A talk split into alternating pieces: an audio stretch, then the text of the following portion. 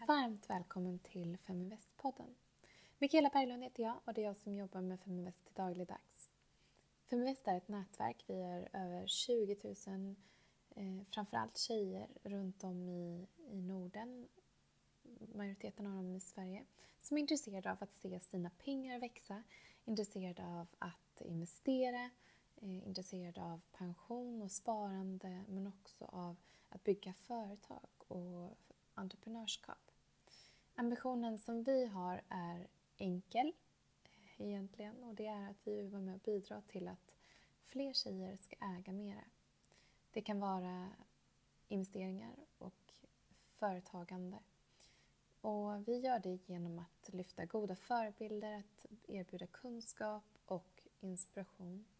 Eh, för att vi tror att det är viktiga komponenter för att vara med och bidra positivt till ett mer jämställt ägande och därmed näringsliv. Jag hoppas att du har haft en fantastisk sommar och fått lite ledighet. Eh, något som inte har fått så mycket ledigt det är ju börsen. Den har påverkats av politiska osäkra situationer vi har ett handelskrig mellan USA och Kina. Eh, vi har osäkerhet runt oljan. Vi har eh, konflikter där båtar har beslagtagits. Vi har Brexit eh, och där Theresa May har fått avgå tidigare och Boris Johnson nu tagit över som ny premiärminister i Storbritannien. I Sverige så har vi väl kanske inte haft extremt stora politiska omvälvande situationer eh, efter det tidigare valåret. Men den svenska kronan har ju absolut backat och eh, ligger på den svagaste nivån mot dollarn sedan 2002 den här veckan. 9,71. Och eh, man räknar med att botten inte riktigt är nådd än och det här är ändå till trots att man från Federal Reserve har eh, gått ut med i slutet av juli med att man ska göra en räntesänkning. Den svenska kronan har även tagit stryk mot, eh, mot euron och det är ju klart att det här bidrar ju till att eh, mycket internationellt kapital strömmar in för att köpa svenska billiga varor men det är fortfarande en problematik runt värdet på den svenska kronan. Även Arbetsförmedlingen publicerade under sommaren en eh, rapport om att arbetslösheten faktiskt ökade för första gången och då är det jämfört med eh, eh, hösten 2017 som den var så hög sist. 5 000 fler var det nu i juli mot föregående år. Då innebar det att det var 344 000 arbetslösa inskrivna på Arbetsförmedlingen nu i juli. Även Tyskland har en negativ rapport för sin ekonomi. Man rapporterade att förra kvartalet så backade ekonomin med 0,1 procent. Och man kommunicerar även att man ser en minskad konsumtion och även dämpade förväntningar bland företag. Jag har tidigare läst en, tid, en liknande rapport om den minskade konsumtionen i Sverige som Svensk Handel har släppt. Under osäkra tider så söker man sig till lite tryggare hamnar eh, och därmed har guldet stigit så mycket som med 20 procent sedan årsskiftet. Och eh, guldet ligger nu faktiskt på den högsta nivån på sex år. Ja, i de här tiderna när stora politiska utspel, oberoende av om det är Trump som vill köpa eh, Grönland och eh, blir sur och irriterad när han inte får eh, när han inte får den möjligheten utan väljer att ställa in resan till Danmark, statsbesöket där. När den typen av nyheter får tidningsrubriker på de flesta stora tidningar världen över Ja, då kan man undra hur han har tagit sig till den positionen han har. Men eh, en annan nyhet som också har täckt de flesta finansiella tidningar, tidskrifter eller tidningar världen över, det är ju den inverterade räntan. Och jag tänkte faktiskt fokusera lite på den idag, lyfta lite vad det egentligen betyder, eh, vad som har hänt tidigare men också vad eh, man förväntar sig utav aktiemarknaden framåt. Det är ju så att normalt sett så är det så att de längre räntorna har en högre ränta än de kortare på obligationer. Eh, då längre löptid är associerat med högre ränterisk. Just nu så är det tvärtom. Långivare får en högre ränta för att låna ut pengar på kort sikt än på lång sikt, det vill säga på tio år.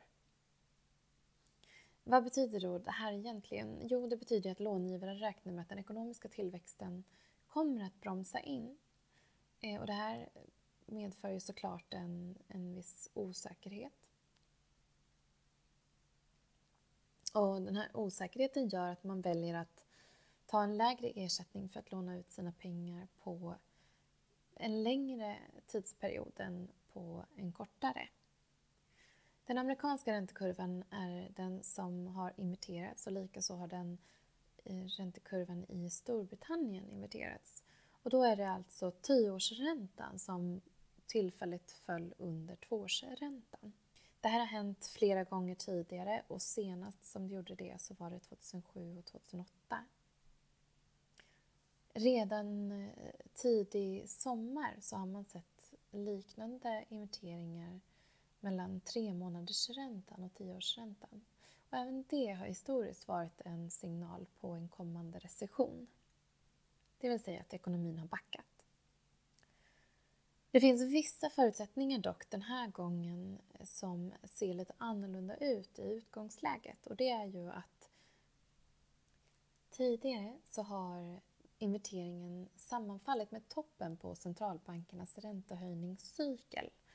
Eh, och det här har ju inte skett den här gången utan redan så har ju centralbankerna agerat eh, och sänkt eh, räntorna för att ta udden utav av den här tillväxten. Nu så är det svårt att se på den amerikanska avkastningskurvans utveckling i, i, för sig själv. Eh, centralbankerna har ju använt sig av en ganska okonventionell eller otraditionell penningpolitik där man har eh, haft negativa styrräntor i flera länder i Europa och i världen. Japan, Sverige, Schweiz är negativa bland annat. Och eh, dessutom så eh, har man haft eh, stora tillgångsköp. USA är ju ett av de länder som har haft positiva räntor och det har ju lett till att det har varit en väldigt stor efterfrågan på de amerikanska obligationerna. Det här har ju förvärrats såklart utav att avkastningskurvan för Europa har varit negativ eh, på senare tid. Vidare så har ju inflationen eh, fortsatt att vara låg och det här gör ju även det att styrräntorna hålls nere. Om man då ser på när en invertering har inträffat mellan den amerikanska tioåringen, eller den tioåriga räntan och eh, den tvååriga räntan på statsobligationer så har det här skett vid tre tillfällen om vi går så långt tillbaka som 1980. Och alla tre gånger så har det följts av en lågkonjunktur.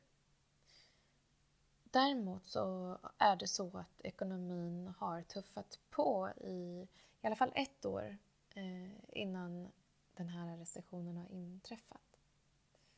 Så det är en, en viktig aspekt att komma ihåg.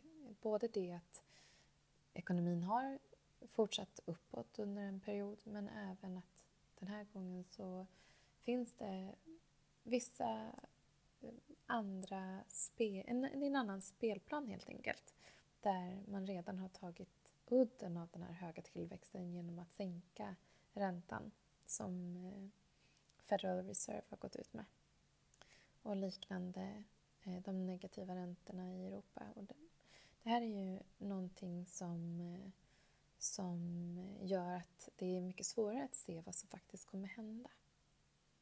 Hur ska man då tänka i förhållande till den här inverterade eh, räntekurvan? Jo, det är ju så att om man är en långsiktig investerare eller sparare så är det ju i det långa perspektivet som man ska fokusera på.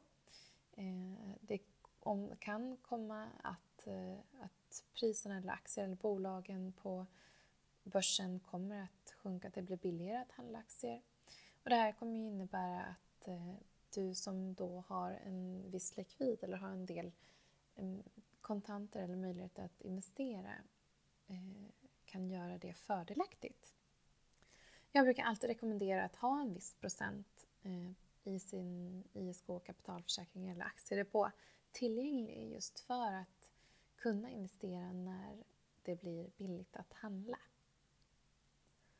Om man dock ser på sina investeringar eller sitt sparande på en kortare tids, med en kortare tidshorisont eller om man önskar ta ut det inom ett par år, då ska man absolut ta sig en funderare på, på eh, hur man ska tänka.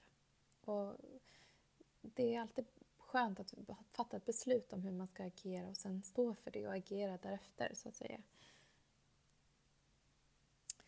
Spännande! Feminvestpodden Feminvest-podden är ju såklart tillbaka nästa torsdag.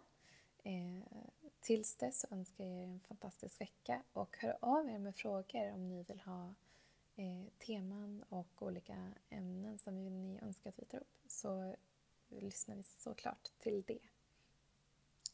Tills dess så tycker jag att du ska gå in på www.feminvest.nu och anmäla dig till vårt nyhetsbrev och bli en del av Feminvest-communityn. Önskar dig en trevlig dag. Ha det gott. Hej!